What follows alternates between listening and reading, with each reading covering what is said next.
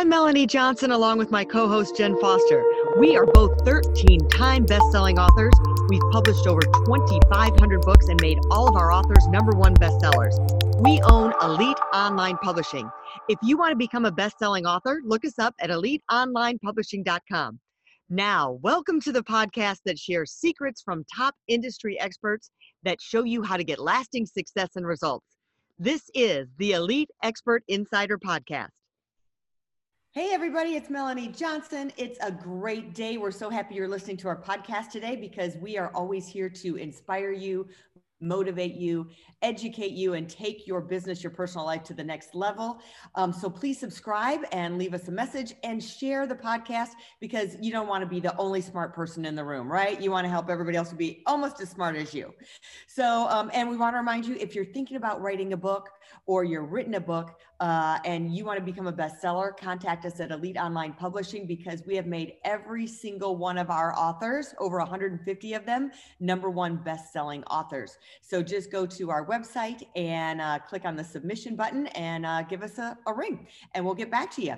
So today, I mean, everything has been changing so much. We're at the end of 2020. We're moving and starting to look forward to 2021. And the questions are like, what should I anticipate? How should I make my business successful? What should I be doing today that can prepare my business for the first quarter and all of 2021? So we have an expert. He's not started one, two, but 13 businesses that have all been successful. He started when he was 21 years old. He has a slew of information for us. So I can't wait to hear what he can say that can change your business, your life, and our business as well. So, uh, Marty Park, welcome. Thanks for coming to the show today. Melanie, thanks so much for having me. Hi, Jen. Hey, so tell us, Marty, a little bit about how you got started into building all of these companies and how you go about saying, I'm an entrepreneur. Like, how does that all work? Sure. Actually, uh, so uh, as Melanie alluded to, I started a company. I uh, actually left college in my fourth year of my business program. And uh, I said, Dad, don't worry, I'll be retired by the time everybody graduates. Oh no, that's uh, just, like my son that we just talked about. Right. So, and you didn't say that you did leave. No, say it's not yeah. so. You didn't do it. We're telling him to stay. Right. So yeah, we're telling him to stay. Finish college, yeah. and he's going to be smarter than me. But I did. I started a software company, and and I was, you know, not knowing. I would say that you start a company and you're blissfully ignorant of really what you're getting into because you realize mm-hmm. all the moving pieces and how difficult entrepreneurship can be with the pressures of it. And uh, but I was very fortunate. Um, we actually we started my business partner Greg and I started a software company. Um, we actually went from sort of playing business, doing a lot of the wrong things, to then we had to go ask Greg's dad to put a mortgage on the house so we could keep our business going. And and once we had the mortgage on the house to keep things going, we he started saying, "I'm going to come see what you guys are doing. We're going to start having Saturday morning meetings." And then my dad started showing up. Pretty soon we had the dad's meeting um, on Saturday mornings, and that really became us getting coached and, and having some sort of an advisory board that I think was a key to us succeeding. And from there, I, you know, I had a good friend uh, who I'd known since high school who said, Hey, I'm going to open up a music club, but I need a business guy. And I got into that. I'd negotiated free beer in that deal. I had some equity and free beer for as long as we had the club. And I thought this was the best negotiation of my life. I still do. Uh, and I, I really have gotten into i got into a marketing agency because it looked compelling. I have mm-hmm. gotten into a short time i got into franchising um, but i've, I've uh, chosen businesses where i thought it would be challenging and interesting. Uh, but a lot of times it's just been uh, sort of gut feel. I, i've got a friend who's been very scientific about every business and a matrix that it's got to meet all these mm-hmm. criteria. I've been much more fluid looked at the people. Does this seem something that's interesting to me? Do i think there's opportunity to succeed? And yeah it's led me through now 13 different companies. Wow. All right. So, so much has happened this last year where everybody's had to reevaluate their business in one way or another. Um, so looking forward, we're, we're, right now we're saying we're going to have a lot of the same moving forward, especially the first quarter. Um, what advice are you giving uh, entrepreneurs and business owners? Yeah, so uh, a couple things, and that's a great question, Melanie. I, I think the challenge for us is for a lot of business owners, you know, you work so hard to sort of standardize things and get a bit of a, you know, you're the restaurant, like this is how we do it in the kitchen. Here's the recipe and get things out. And, and all of a sudden now 2020 has thrown all that into disarray and the attitude is all everything has to change you have to be fluid and i do like that you have to be willing to let go of the structure you've had or anything that you thought well this is just sort of one of the four sides on the box of our business that you have to be prepared to uh, change that. I mean much like the restaurant who is no longer able to have people dining inside you have to mm-hmm. figure out how do we get the food to the curb? What do we do in terms of creating in the next two days i got to create a delivery service. What can we do? And so you have to be um, really flexible. And i think with that um, i see owners who are immediately sort of jump back hands on into every order every delivery and you need to create a little bit of space to be thinking about the business to sort of stand back and say well what are guys in other industries doing that seems to be working because it's sometimes not your competitors that have a great idea it's somebody else in a completely different industry but I find that clients who have created a little bit of space or grabbed, almost created a bit of a mastermind, whether it's with friends or reaching out, but they've got people to kind of bounce ideas off of, they have the ability to be a little more adaptive and strategic. Yeah. And and I think the last thing that has been really big for all of our clients that have been successful through 2020 has been they were really quick to double up on their outgoing sales effort, their marketing. I mean, they've really found that you know, if the market got smaller or it's tougher to get those clients, it's going to mean a lot more sales and marketing effort. And I think the businesses that were still, you know, at the beginning of 2020 were referring on, hoping on referrals or dependence on their existing customers, as some of those customers have gone away, and sometimes it could be, you know, 30, 40, 50% of your customer base, you have to have a big engine of marketing and selling to bring that customer base back and keep your business going. And if you don't have the money because of cash constraints, then really it does come down to sales effort. Um, but that sales and marketing focus is something I found with great businesses. They have it every single day. Like, what can we sell to who? What is our message to the market? It's ongoing content, as you guys would appreciate. Um, mm-hmm. But that has been the big difference for so many of the businesses we worked with. And, and even our business has been really good because we very early on in February said, we're going to sort of take the fight to the market and we're going to be adaptive but we're going to be out there we're going to be a lot louder voice and i think into 2021 that's probably a great phrase is you know have a loud voice like really let people know we're here we're we're open for business uh, we're ready to help. It's safe to do business with us. What would you say like some of those marketing tools are? What would you say to double down on in your marketing? Like would it be advertising on you know social media? Or what would you say are some of the companies that you're working with are doing right now that are seeing really good results? Uh, you know they've, we've been doing a lot of uh, a lot of companies we deal with have pretty good databases of clients past and present and they've and they don't realize like there's a whole slew of people I, a client of ours had about 800 people in their database and we went back and said we want you to have a phone call and have a real live personal conversation with 800 people of course they were like no seriously what do you want us to do we are like, yeah, well, I know it's going to take some time, but we have time right now. As some of your customers are in lockdown or at home or they're working from home, like that we're going to make connection. When other people get quiet, we're going to actually reach out relationship wise. And I, I combine that with, I hate to add, uh, suggest, you know, you got to go spend a bunch of money in marketing.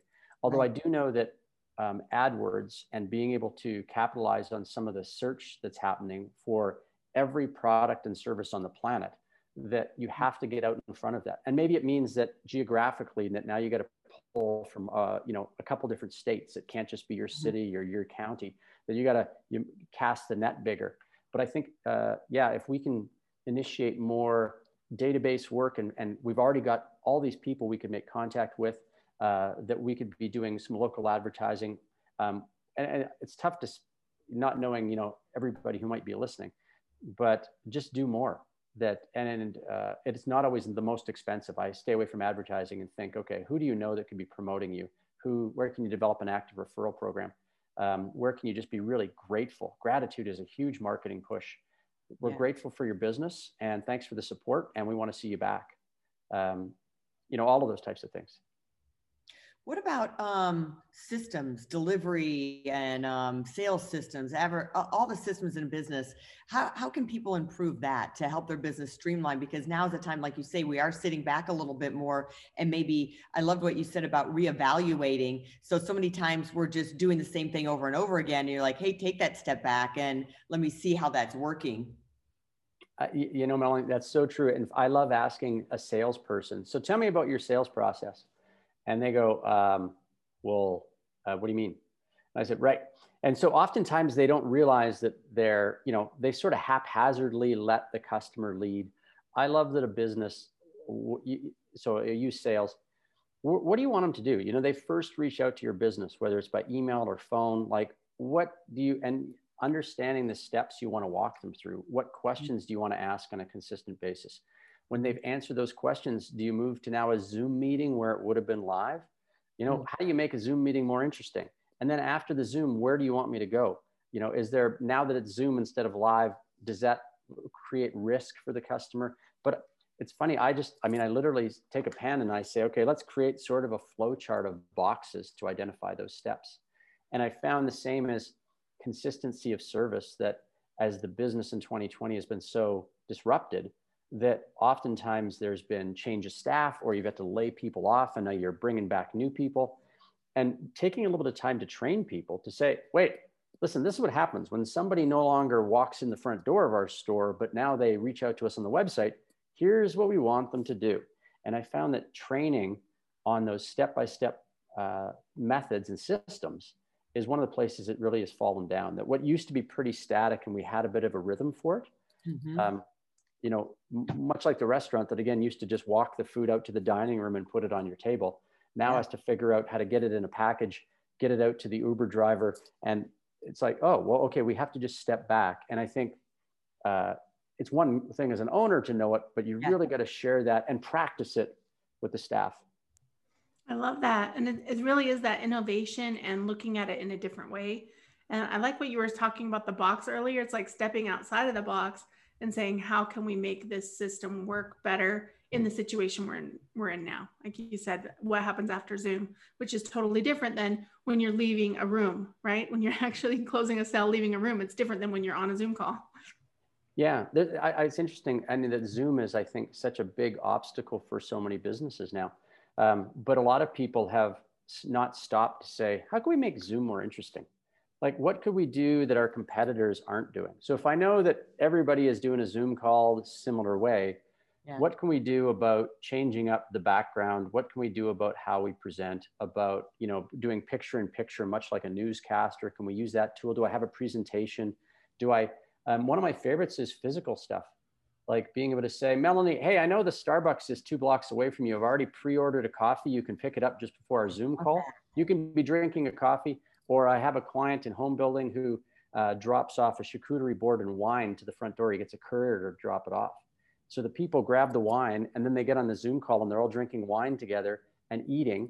And then he starts to talk about the design of their house. And so he's been able to figure out what went from a person to person experience. How do I incorporate that into the new digital space. And so I, I like that that is one of a great differentiator, but it's allowing him to actually get as many new sales during uh, 2020 as he's had in past years. And I, and I love that innovation. And I love, you know, like one of the hurdles that we were saying, we wanted to reach out to um, some of our strategic partners and send them a gift for Christmas. And we realized we don't have their addresses. We have their email, their phone number. No one gets an, a physical address anymore. So true. Melanie, funny you said that. We were talking about that very thing two days ago. And I said, you know, let's, I mean, we have a bunch of them. There was a few other uh, really important sort of VIPs that we wanted to send stuff to. We didn't have all their addresses. I was like, well, let's first off get them because I'm pretty sure if we tell them we want to send you something really big and special, they're more than willing to give the address. So there's, yeah. And, and, I, and I think the fact that I'd have to ask if I say, Jen, Melanie, I'm going to send you guys something you don't mind giving your address as long as I follow through right. and when whatever I send really has a little bit of wow factor. I'm, exactly. I'm, like you guys, I think I'm big on the wow factor of things. And in 2020 yeah. into 2021, my marketing, my selling, just being a little bit bold to be to say what aren't other mm. people doing, we're going to do it. Right. I actually just got an email that said that very thing. It said, "Hey, I just realized I didn't have your address. Click here." And it was a two or three question survey, name, email, address and is it okay if i send you something and it had pretty much what they were going to send me like but not giving it away Sure. you know and of course i'm going to put in my address and say yes, Yes. Um, whether if, if it's a book or if it's a you know a wine or and cheese right whatever it is so if it's a basket of wine, I'm definitely putting my name and address in. So I love that this this be bold, have a wow factor, how to be innovative with your processes, how to take a look at all that. Let's talk about um, income. So so many times, how does that transcend into like how should we be looking at ways to increase our our revenue at the bottom line? What are some key factors that we should be looking at the big picture of? I mean, I like we talked about sales and how to maybe use different things in sales, but what should we be looking at? Like, okay the sky is kind of fallen. How should we analyze expenses, revenue, employees, clients that Right. maybe we should fire, you know, things like that? That, that, wow, there, there's so many critical pieces there. Um, but I think so. Let's start with a situation that I think a lot of people have undergone, right? Where they've maybe had to lay off some staff. They certainly saw sales drop earlier in 2020. Some of them are just hanging on to get through to the into the next year, but they're certainly not in a robust state. They've used up some cash. My Yeah. big thing is uh, you have to think about entrepreneurship as you've created an ecosystem. You know, you have staff, you have customers, you have community, you have vendors. You're just trying to keep that whole ecosystem alive. If it means that you have to let go of some of the most difficult customers to be able to cre- free up space, or you've had to lay off some of your, your favorite staff, which is such a hard thing to do. But you've got to know that you're laying off some of those people short term to maintain that ecosystem so that you can still keep your business long term. And I'm a big fan of if revenue dropped 20%, you have to cut your expenses 20% to get back to profitability. And so as you know, revenue falls, expenses have to fall, which may in some cases mean some pretty drastic cuts. I know people that have been mandated where their businesses had to be closed for a little while.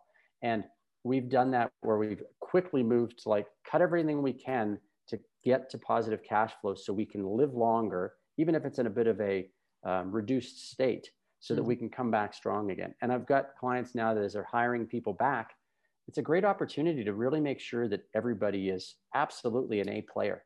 So there's a bit of, if you can position it as, you know, we, it's been an awful struggle and terrible, we've had to downsize. Mhm. Or I've had a couple of people who've shifted their mindset to be, you know, we were really sort of bloated, we weren't very efficient. And this has actually been a great opportunity for us to scale things back in order to do more.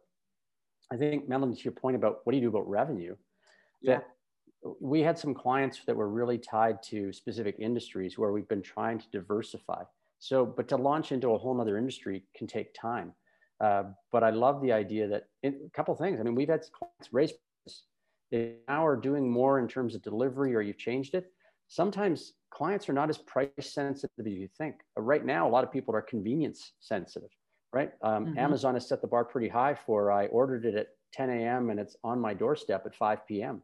So Yeah. I, in some cases, we've been able to raise prices. Some places we have said we've got to launch another product. Um, I have a client that's in chemicals that got into the hand sanitizer business very quickly.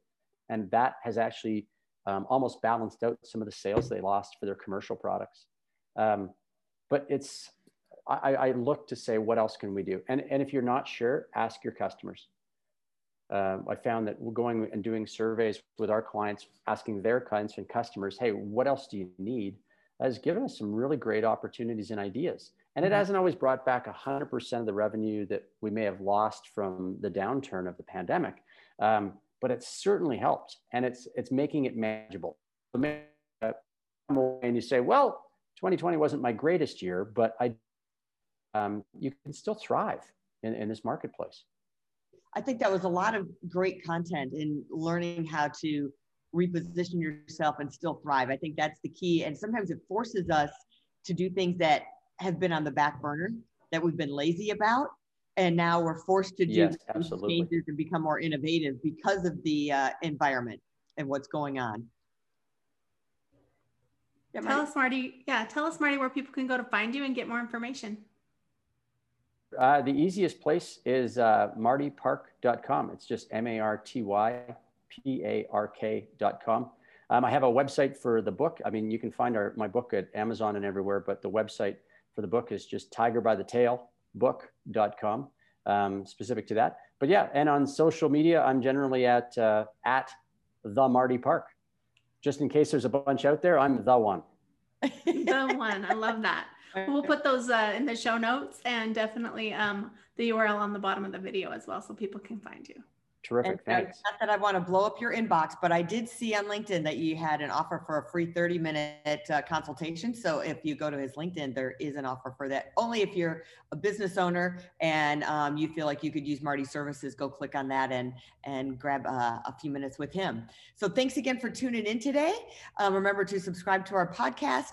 And uh, again, if you're looking to launch your book and write a book, we can help you from start to finish, even if you're just with an idea or you've already launched a book and it never went anywhere. We can relaunch your book and make it a number one bestseller. Just contact us at eliteonlinepublishing.com and we will see you next time. Thanks. Bye, everyone. Hey, are you looking to increase your revenue, build credibility, and elevate your brand? This podcast is brought to you by Elite Online Publishing, an innovative publishing and full spectrum marketing company. They will publish and market your book to make it a number one bestseller. Becoming an author is the best way to market your business. So contact them at eliteonlinepublishing.com today. All of their authors become number one bestsellers.